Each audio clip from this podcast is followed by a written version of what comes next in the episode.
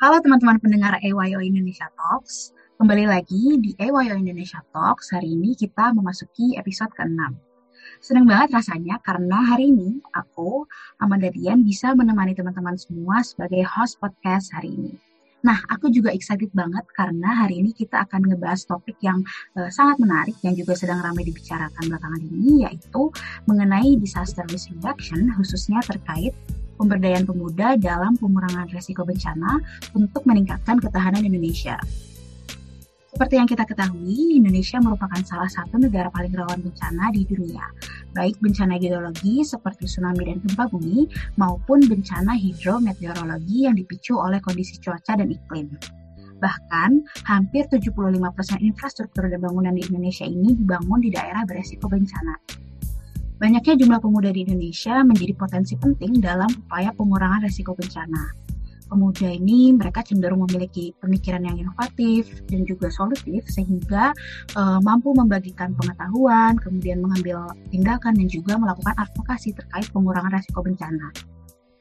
Namun, Indonesia sendiri masih menghadapi tantangan dalam mendorong uh, generasi muda untuk berpartisipasi dalam pengurangan risiko bencana. Padahal, kemampuan generasi muda untuk mempengaruhi dan berpartisipasi uh, secara langsung dalam upaya belajar, mencegah, mempersiapkan, menghadapi, dan beradaptasi dengan bencana dapat meningkatkan ketahanan Indonesia. Nah, dalam podcast hari ini kita akan membahas pentingnya pemberdayaan pemuda dalam pengurangan risiko bencana untuk meningkatkan ketahanan Indonesia. Hari ini kita akan sharing-sharing sama uh, narasumber kita yang spesial banget nih Yuk, biar nggak langsung, eh biar nggak lama-lama, kita langsung aja sambut tamu kita hari ini, yaitu Kak Muhammad Habib Abian Zakwan, Researcher at Disaster Management Research Unit di Center for Strategic and International Studies atau CSIS. Halo Kak Habib, apa kabar? Halo Amanda, teman-teman Ayo, um, kabar sehat. Terima kasih banyak kesempatannya. Semoga semuanya sehat juga ya. Amin. Nah, oh iya, teman-teman EYO Indonesia, kira-kira ada yang uh, udah kenal sama Kak Habib belum nih? Kak Habib nih terkenal banget loh di bidang kebencanaan ini. nah, mungkin buat teman-teman Terima kasih banyak, Amanda. Nah, mungkin buat teman-teman yang belum kenal, biar bisa lebih kenal kan kata kalau kata pepatah kan tak kenal maka tak sayang. Yuk, dipersilakan Kak Habib untuk uh, memperkenalkan tentang dirinya. Yuk, Kak Habib, silahkan. Ya, halo teman-teman Ayo, aku Habib.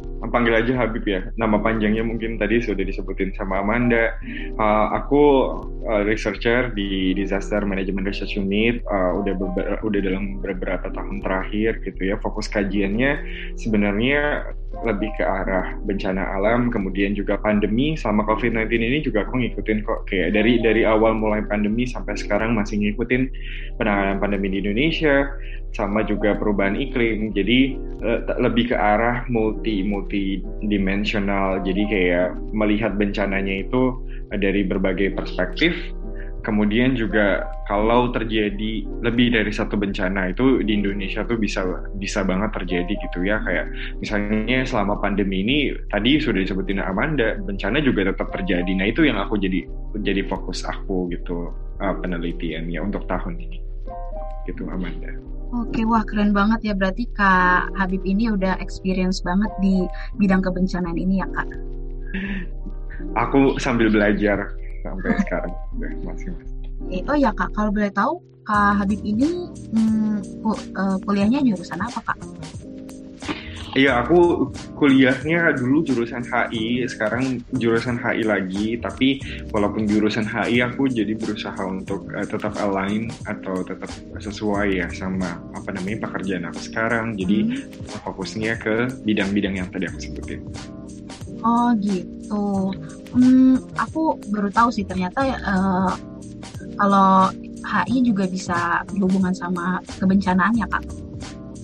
Iya, aku jadi uh, kebetulan jadi di tahun 2020 itu aku uh, dari Departemen HI uh, CSIS aku ke Disaster Management Research Unit. Jadi mulai dari situ itu semakin banyak apa ya aktivitas di bidang kebencanannya. Walaupun jadi dari tahun 2018 itu udah dimulai sih banyak aku bantuin uh, apa namanya atasanku, bosku gitu ya kayak buat ngurusin tentang kebencanaan. Terus tapi 2020 bener-bener full full time buat uh, bencana jadi sejak dari saat itu aku jadi tertarik banget sih soal bencana dan jadi fokus aku sekarang. Walah gitu. Sebenarnya karena krisis-krisis, ah sorry, isu-isu krisis iklim, bencana dan yang sekarang tuh makin marak terjadi. Terus juga ini kan jadi apa ya hal yang menarik banget dibahas. Aku juga sebenarnya tertarik, tertarik banget sih untuk mendalami topik kebencanaan ini. Dan juga um, menurutku kan kalau di Indonesia ini isu ini masih di nomor sekian kan kalau menurutku ya dan kayak mm -hmm. uh, pengaruh utamaannya juga belum maksimal Mm -hmm. Nah kalau dari uh, menurut pendapat Kak Habib sendiri uh, uh, gimana sih sebenarnya uh, kondisi terkait kebencanaan atau topik-topik kebencanaan di Indonesia kemudian uh, uh, gimana sih kondisinya gitu Kak? Iya, sayang banget sih sebenarnya kondisi kebencanaan di Indonesia ini sampai sekarang menurut aku masih belum optimal ya. Kalau ditanya apakah sudah berprogres, sudah sudah berprogres dari tahun 2007 tapi apakah sudah signifikan progresnya atau belum aku rasa belum ya masih banyak banget PR kita gitu ya uh, tanggung jawab kita yang perlu rasanya untuk dipenuhin gitu kalau misalnya kan di pembukaan UUD itu kan disebutkan itu ya melindungi segenap tumpah daerah Indonesia. Nah sebenarnya bukan uh, harusnya definisi dari pembukaan UUD itu nggak cuma dimaknai dari perlindungan warga negara Indonesia di luar negeri, tapi juga bagaimana kita melindungi warga negara Indonesia yang ada di dalam negeri dari misalnya uh, bencana alam gitu karena resikonya tinggi sekali gitu dan kita tahu semakin ke sini itu tingkat keparahannya itu semakin tinggi dan juga bukannya tingkat keparahannya aja skalanya intensitasnya juga jadi kalau misalnya hmm. skalanya tadi mungkin misalnya sedang uh, dalam tahun-tahun terakhir itu kita melihat bagaimana skalanya itu membesar gitu kayak hmm. kemudian juga intensitasnya kalau Amanda tinggal di Jakarta apa di iya. mana? Iya di Jakarta benar tinggal di Jakarta. Kalau misalnya tinggal di Jakarta kan kita dulu tahu atau kenal istilahnya namanya banjir lima tahunan. Tapi ya. sekarang banjir tiap tahun. Jadi kita akan ekspektasinya tuh kayak setiap tahun baru tuh pasti banjir, bener kan? Kayak iya, bener. 2020, 2021 kita kebanjiran di beberapa daerah di wilayah Jakarta kayak dan di Indonesia juga. Dan misalnya di banyak tempat juga ya di Indonesia di Kalimantan Selatan itu banjir yang terparah setelah beberapa puluh tahun gitu, 20 30 tahun terakhir. Nah, ini hmm. juga kayak Uh, jadi situasinya sekarang tuh sebenarnya semakin memburuk, tapi upaya kita untuk me, me, apa ya menghadapi, menanggulangi dan mencegahnya itu tidak secepat uh, perubahan dari kebencananya sendiri ini sebenarnya sangat disayangkan sih menurut aku gitu. Iya benar. Uh, kalau kalau aku perhatiin kan belakangan ini tuh makin sering kayak terjadi banjir terus uh, apa sih angin-angin ribut aku lupa namanya apa. nah sebenarnya itu uh, emang trennya karena krisis iklim atau uh, atau gimana kak? Iya, sebenarnya karena banyak hal ya, kayak perubahan iklim itu tentunya salah satunya gitu.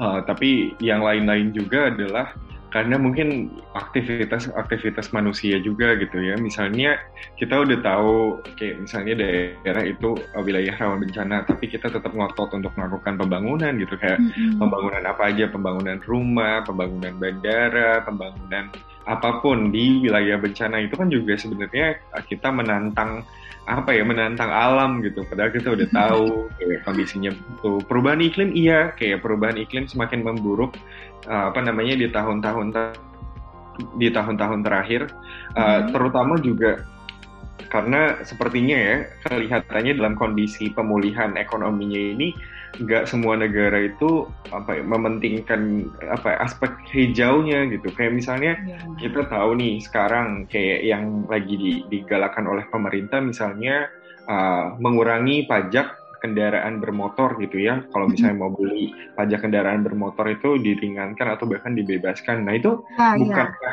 akan menyebabkan kayak pertumbuhan kayak ini ya, kayak gas emisi. Iya benar. Uh, itu ya rumah kaca dan lain sebagainya. Nah ini kan kayak uh, juga aktivitas manusia. Jadi intinya uh, alam ya berpengaruh, tapi kayak selebihnya manusia sih yang memperparah itu.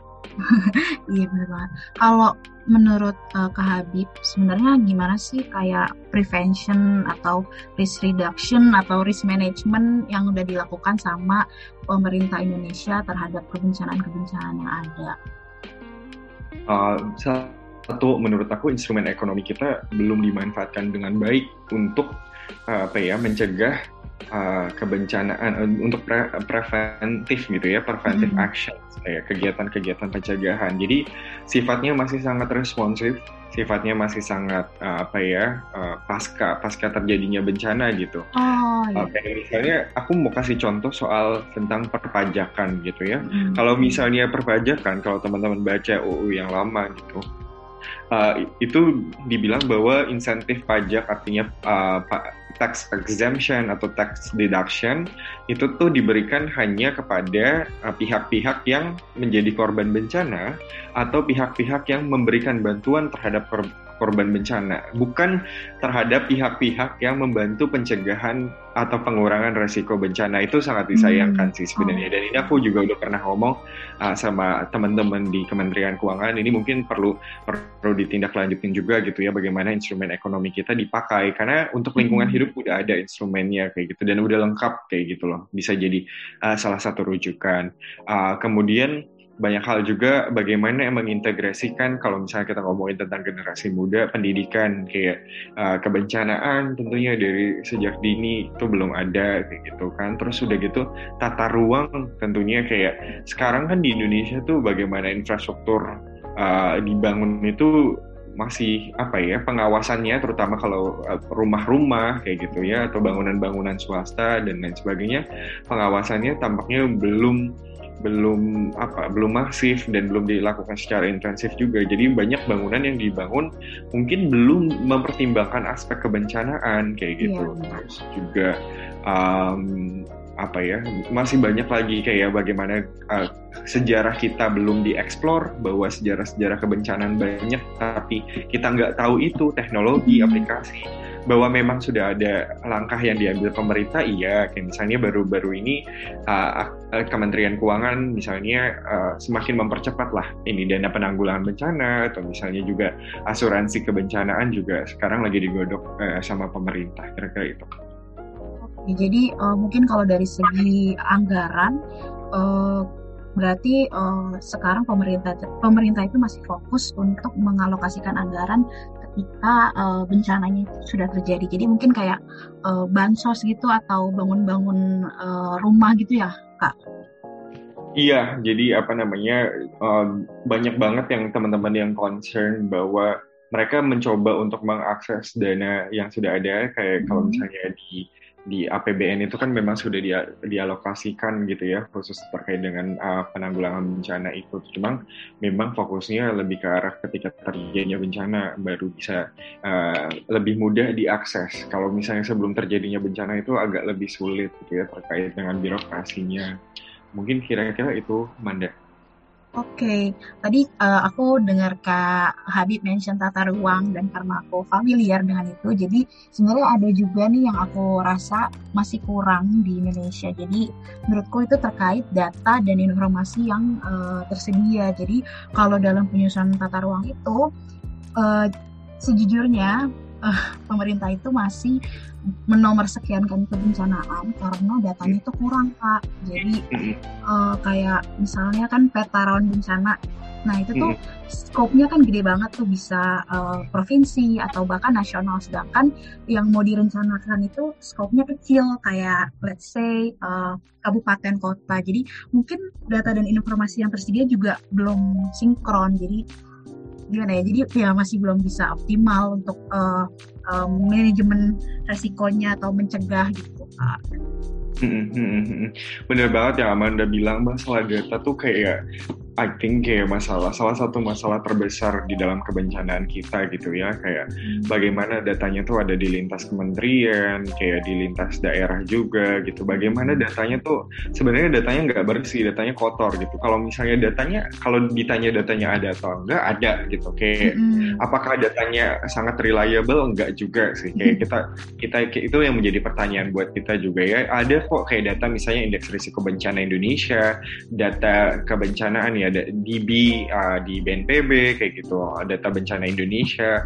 Uh, data-data uh, itu ada kayak misalnya dilihat tapi itu cuma sebatas angka-angka aja gitu loh. Kayak misalnya uh, berapa korbannya atau misalnya uh, terjadinya berapa kali dalam satu tahun itu. Misalnya banjir atau gempa bumi. Hmm. tapi enggak data itu tuh mentah gitu. Jadi maksudnya nggak bisa diapa-apain. Kita nggak tahu kayak misalnya karena yang diukur atau yang dipertimbangkan yang dicatat kalau misalnya uh, berdasarkan aku teman-teman aku yang kita ngobrol itu tuh data yang dicatat itu infrastruktur publik rata-rata. Sedangkan kayak oh. misalnya kalau terjadi suatu bencana itu kan nggak cuma infrastruktur publik gitu ya kayak pasti ada juga kayak uh, fasilitas swasta juga yang misalnya terdampak. Itu nggak nggak nggak masuk dalam kalkulasi pemerintah biasanya kayak ketika memperhitungkan kayak misalnya angka-angka ini kayak gitu. Makanya dan data-data ini kan kalau misalnya terjadi bencana aja kayak sesimpel misalnya banjir gitu. Kayak pasti banyak banyak lembaga pemerintah banyak KL gitu ya kementerian hmm. atau lembaga yang misalnya bilang ini kerugiannya segini atau ini hilangnya segini. Dan itu juga beda-beda gitu. Jadi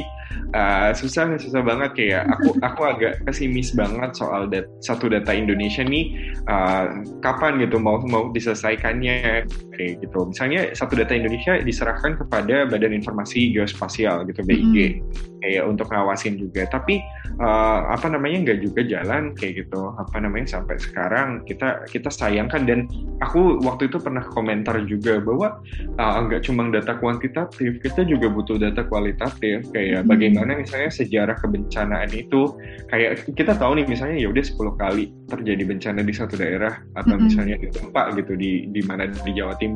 Tapi kayak sejarahnya tuh gimana sih kayak sampai terjadinya itu berapa sih korbannya atau kearifan lokalnya apa sih? Itu kan data-data yang kayak kayaknya belum belum di, dimasukkan gitu di dalam kayak ini, uh, data kebencanaan. Data kebencanaan so far masih sangat apa ya bersifat tata ruang geografis padahal iya. data-data yeah. itu juga penting menurut aku gitu.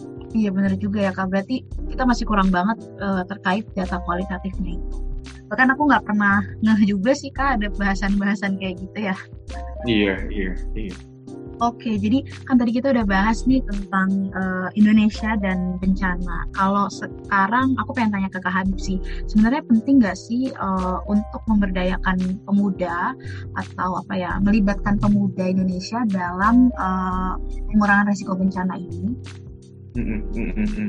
Peran pemuda tuh penting banget kayak nggak mungkin nggak penting karena uh, Indonesia kan bakalan apa ya mengalami bonus bonus ini ya bonus penduduk kependudukan di mana ya? Iya bonus demografi.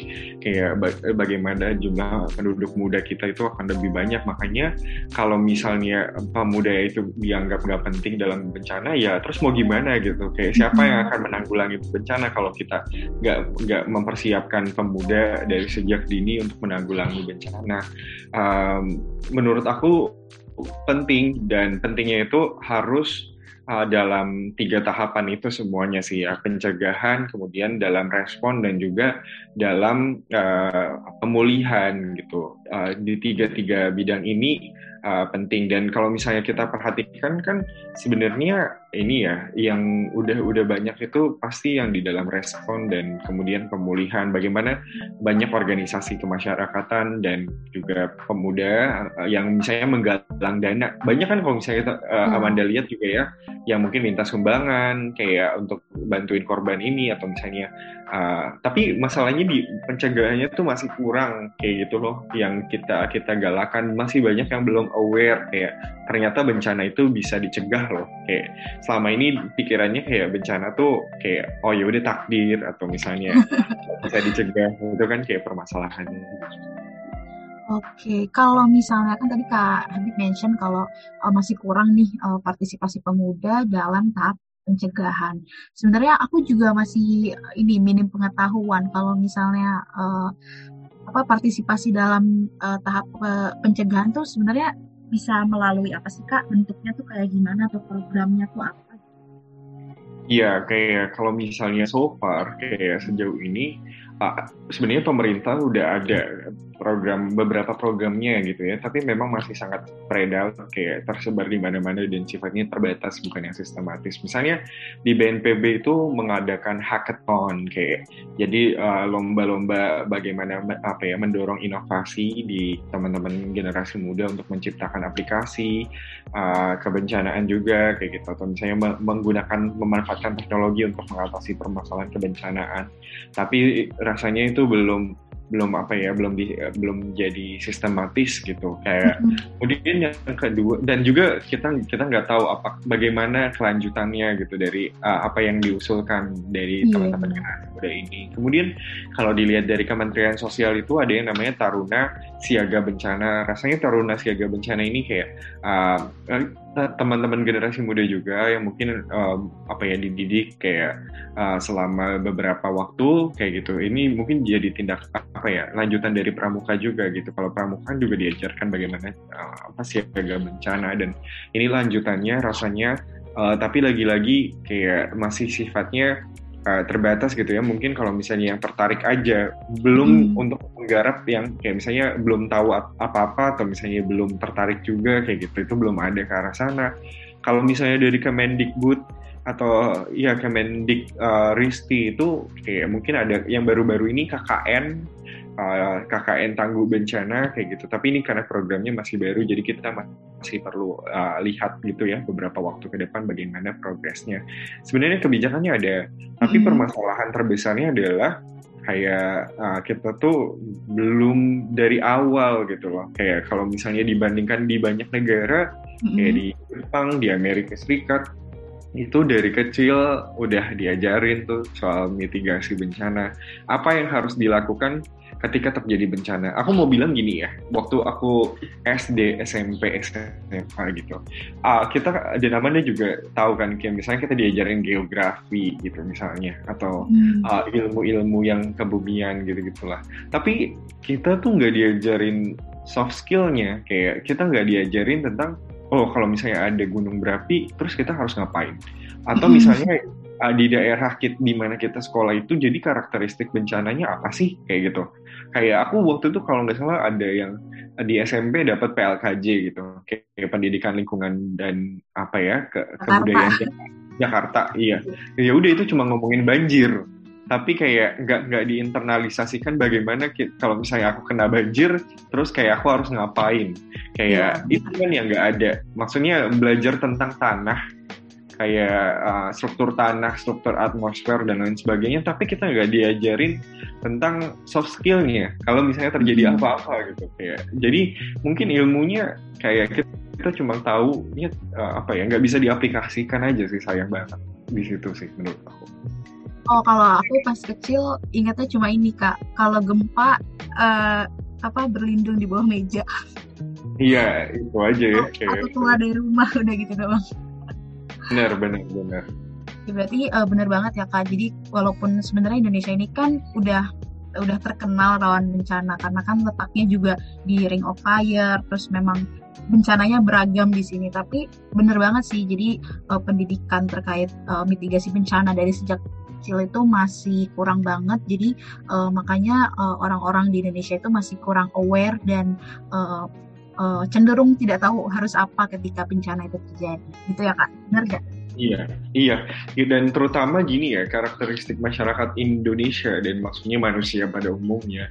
Kalau kita belum pernah lihat, kalau kita belum pernah ngerasain, atau kalau misalnya ya udah cuma cerita doang gitu ya, kadang-kadang tuh kita nggak percaya gitu ya. Oh kayaknya hmm. pernah. Padahal di daerah itu tuh mungkin kejadian dan dan ini kayaknya di banyak tempat tuh ada tuh kayak di beberapa di kayaknya di Jawa Barat gitu ya, bagaimana misalnya uh, tsunami Pangandaran atau misalnya di, di di tempat-tempat yang lain tuh jadi kalau misalnya udah terjadinya dalam waktu-waktu yang lampau kayak uh, dan gak ada monumennya gak ada ceritanya juga atau misalnya orang-orang udah pada lupa ataupun misalnya orang-orang jadinya nggak percaya juga udah lama nih kayak Hmm. sejauh ini aku nggak percaya aku ada satu rekomendasi film ya kalau misalnya teman-teman mau nonton kayak bagaimana misalnya orang tuh uh, bisa nggak percaya ya ketika misalnya nggak terjadi kejadian itu coba nonton Dante Speak deh kayak uh, D A N T E S uh, P A P sorry P E A K itu kayak film udah lumayan lama itu tentang uh, Mount Saint Helen di di Amerika gitu ya bagaimana misalnya salah satunya tuh kayak ada nenek-nenek gitu kayak dia itu bilang kayak ini udah lama banget kayak sepanjang aku hidup nggak pernah tuh meletus terus tapi Hmm. pada akhirnya gunungnya tuh erupsi nah terus kayak dia dia menjadi penyebab lama gitu kayak harus dievakuasi karena uh, orang orang tuh cenderung nggak percaya kalau misalnya memang nggak nggak pernah mengalami kayak gitu. Nah nanti kalau misalnya anyway ini numpang promosi ya kalau misalnya teman-teman dengerin juga kayak jangan lupa cek podcast Asap ID kalau misalnya mau dengerin tentang film-film uh, kebencanaan kayak gitu. Oke, Gitu menarik banget kak. Oke oke. oke. Nah kalau dari eh, menurut Kak Habib, sebenarnya ada nggak sih kayak strategi atau rekomendasi supaya kita pemerintah Indonesia tuh bisa meningkatkan eh, pemberdayaan pemuda khususnya dalam ke- dalam topik kebencanaan ini? Setuju banget. Kayak pertama menurut aku kita harus lihat yang membawahin pemuda biasanya apa sih? Kayak Kemen uh, Pora kan, Kementerian Pemuda dan Olahraga. Tapi berapa banyak sih agenda kebijakan atau agenda kegiatan Kemenpora yang membahas tentang uh, bencana? Hampir nggak ada gitu loh kan. Kayak kegiatannya Kemenpora tuh berfokus pada ya udah olahraga atau misalnya Hmm, uh, senian apa- gitu ya? Iya, hal kesenian, kebudayaan, tapi uh, kebencanaan tuh jarang, kayak jarang banget kayak jadi aktivitas Kemenpora. Yang itu tadi juga kayak Kemendikbud juga masalahnya kurikulum bencana itu tuh harusnya menjadi kurikulum signature dari Indonesia, negara yang rawan bencana itu juga belum belum diimplementasikan. Ada eh, ada yang namanya sekolah aman bencana ya, sekolah satuan aman bencana. Eh, ini yang eh, SMA, tapi ini nggak nggak ada nggak nggak digalakan secara masif. Jadi kayak mungkin di beberapa daerah cuma ber- beberapa tempat doang kayak yang di, dikasihkan sebagai sekolah aman bencana. Kita nggak melakukan apa ya target. Jadi kita tuh pada dasarnya nggak punya target. Uh, itu masalah terkait dengan uh, kebencanaan kita. Target kita tuh apa sih? Kayak misalnya uh, target tahun ini kayak kita mau punya 100 ribu sekolah aman bencana di seluruh Indonesia misalnya kayak gitu kayak nah ya udah itu bisa diturunin jadi langkah-langkah kebijakan kayak gitu. Nah masalahnya target-target itu tuh ad, walaupun ada mungkin kayak kurang jelas atau mungkin nggak attainable nggak nggak nggak mudah untuk dicapai. Uh, padahal sebenarnya langkah-langkah yang sederhana nih kayak misalnya 100 ribu sekolah aman bencana ya udah tinggal bangun aja kayak tinggal cek kalau misalnya aku jadi menterinya aku cek ke lapangan kayak misalnya ada berapa sih sekolah yang udah di, dikategorikan sebagai sekolah aman bencana dan siapa yang mana yang belum kayak gitu. Kalau misalnya belum ditingkatkan infrastrukturnya yang udah kita evaluasi lagi. Kadang-kadang permasalahan kebijakan juga di Indonesia pada umumnya melakukan monitoringnya tuh jarang gitu. Uh, mungkin mungkin kira-kira itu sih uh, man apa namanya kalau misalnya kita perhatiin gitu ya uh, kalau kita ngomongin masalah pemuda infrastrukturnya aja misalnya sekolah berapa banyak sih sekolah yang pasti hancur kalau misalnya terjadi bencana kayak gitu itu kan berarti kan infrastruktur uh, pendidikannya aja nggak dibangun berdasarkan mitigasi bencana yang baik gitu Iya. terus uh, bagaimana uh, manusianya sendiri sumber daya manusianya sendiri juga kayak nggak di nggak dipersiapkan dengan baik nggak di nggak dididik uh, secara intensif gitu bagaimana mitigasi bencana. Jadi susah gitu ya kayak uh, padahal menurut aku kalau misalnya memang kita serius ab- about kayak jadi kita kita serius punya target zero zero uh, victim dari setiap bencana harusnya kita pikirkan se, se kompleks itu gitu. Kayak simulasi. Kayak berapa banyak sih sekarang kayak sekolah yang simulasi bencana kayak uh, di Indonesia kayak gitu. Kayak pemudanya berapa banyak sih di kampus kayak gitu-gitu. Kayak jarang banget. Kayak jarang banget. Aku di kampus dulu juga kayak mana ada kayak simulasi itu kayak mungkin kayak pun ada satu dalam empat tahun sekali kayak gitu. Dan Iya. aku harapannya mungkin kalau misalnya Amanda atau misalnya teman-teman Ayo yang masih di kampus uh, sekarang kayak mungkin udah lebih baik kayak harapannya sih kayak gitu. Jadi kira-kira itu sih man. Fokus satu infrastruktur. Dua uh, sumber daya manusia, kasih aktivitasnya dan lain sebagainya. Uh, ketiga juga uh, soal uh, teknologi juga mungkin kayak menurut aku gitu mak. Oke kak, menarik banget nih. Nah ini pertanyaan ter serius terakhir nih kak. Um, kalau dari kak Habib sendiri ada nggak sih harapan atau pesan uh, untuk pemuda-pemuda Indonesia supaya mereka ini uh, tergerak atau ingin berkontribusi dalam pengurangan risiko bencana di Indonesia? Teman-teman ketahuilah negara kita itu uh, negara yang sangat rawan bencana gitu. Uh, ini bencana kapan bisa kapan aja terjadi gitu. Kayak uh, bencana di Indonesia hitungannya terjadinya tuh mungkin per jam bahkan per menit ada ada bencana di Indonesia karena kita negaranya luas dan negaranya memang sangat rawan bencana. Uh, korban jiwa harian atau misalnya bahkan minggu ya kalau nggak harian mungkin mingguan gitu ya.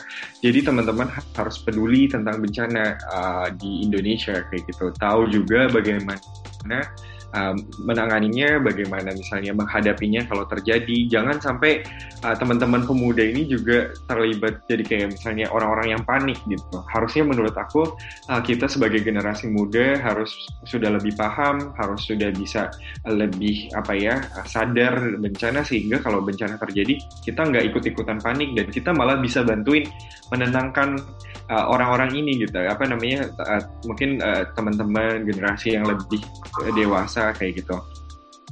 Jadi apa namanya memberantas hoax juga terkait dengan yeah. bencanaan itu penting banget. Kayak karena pemerintah sekarang mungkin kurang sumber daya gitu ya untuk memberantas hoax secara real time. Apalagi di, di kala terjadinya bencana banyak banget tuh kayak misalnya terjadi tsunami atau terjadi ini atau mungkin karena azab apa-apa-apa kayak gitu. Nah itu peran pemuda penting banget.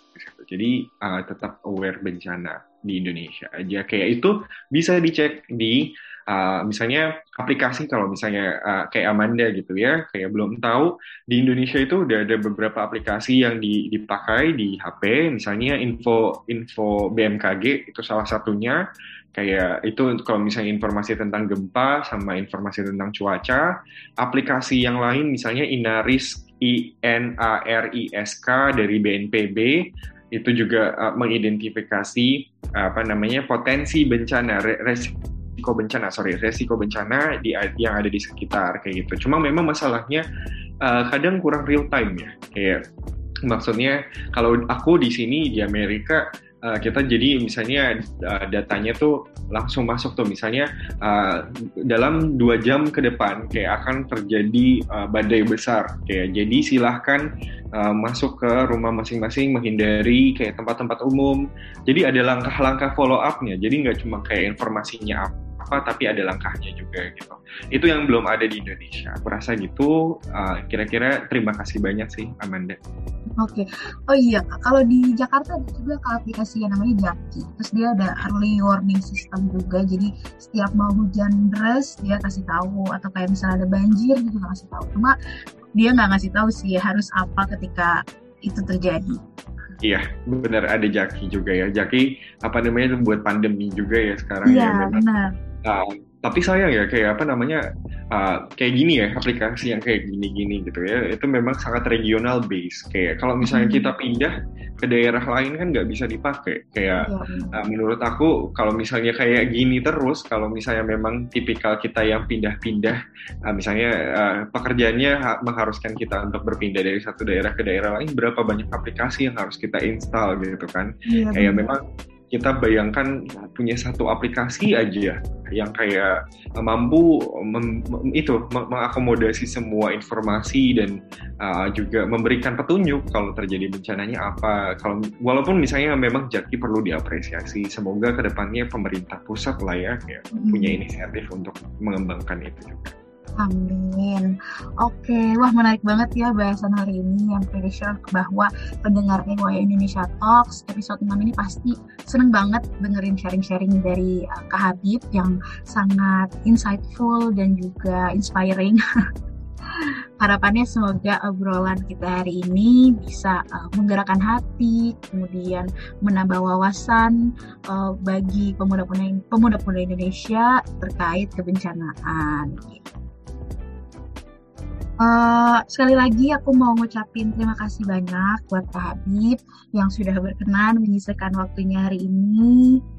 Thank you man, iya yeah, thank you teman-teman Ayo semuanya. Ya, uh, semoga Kak Habib sukses selalu karirnya dan juga semakin inspiring buat uh, pemuda-pemuda uh, di Indonesia bahkan di, di dunia.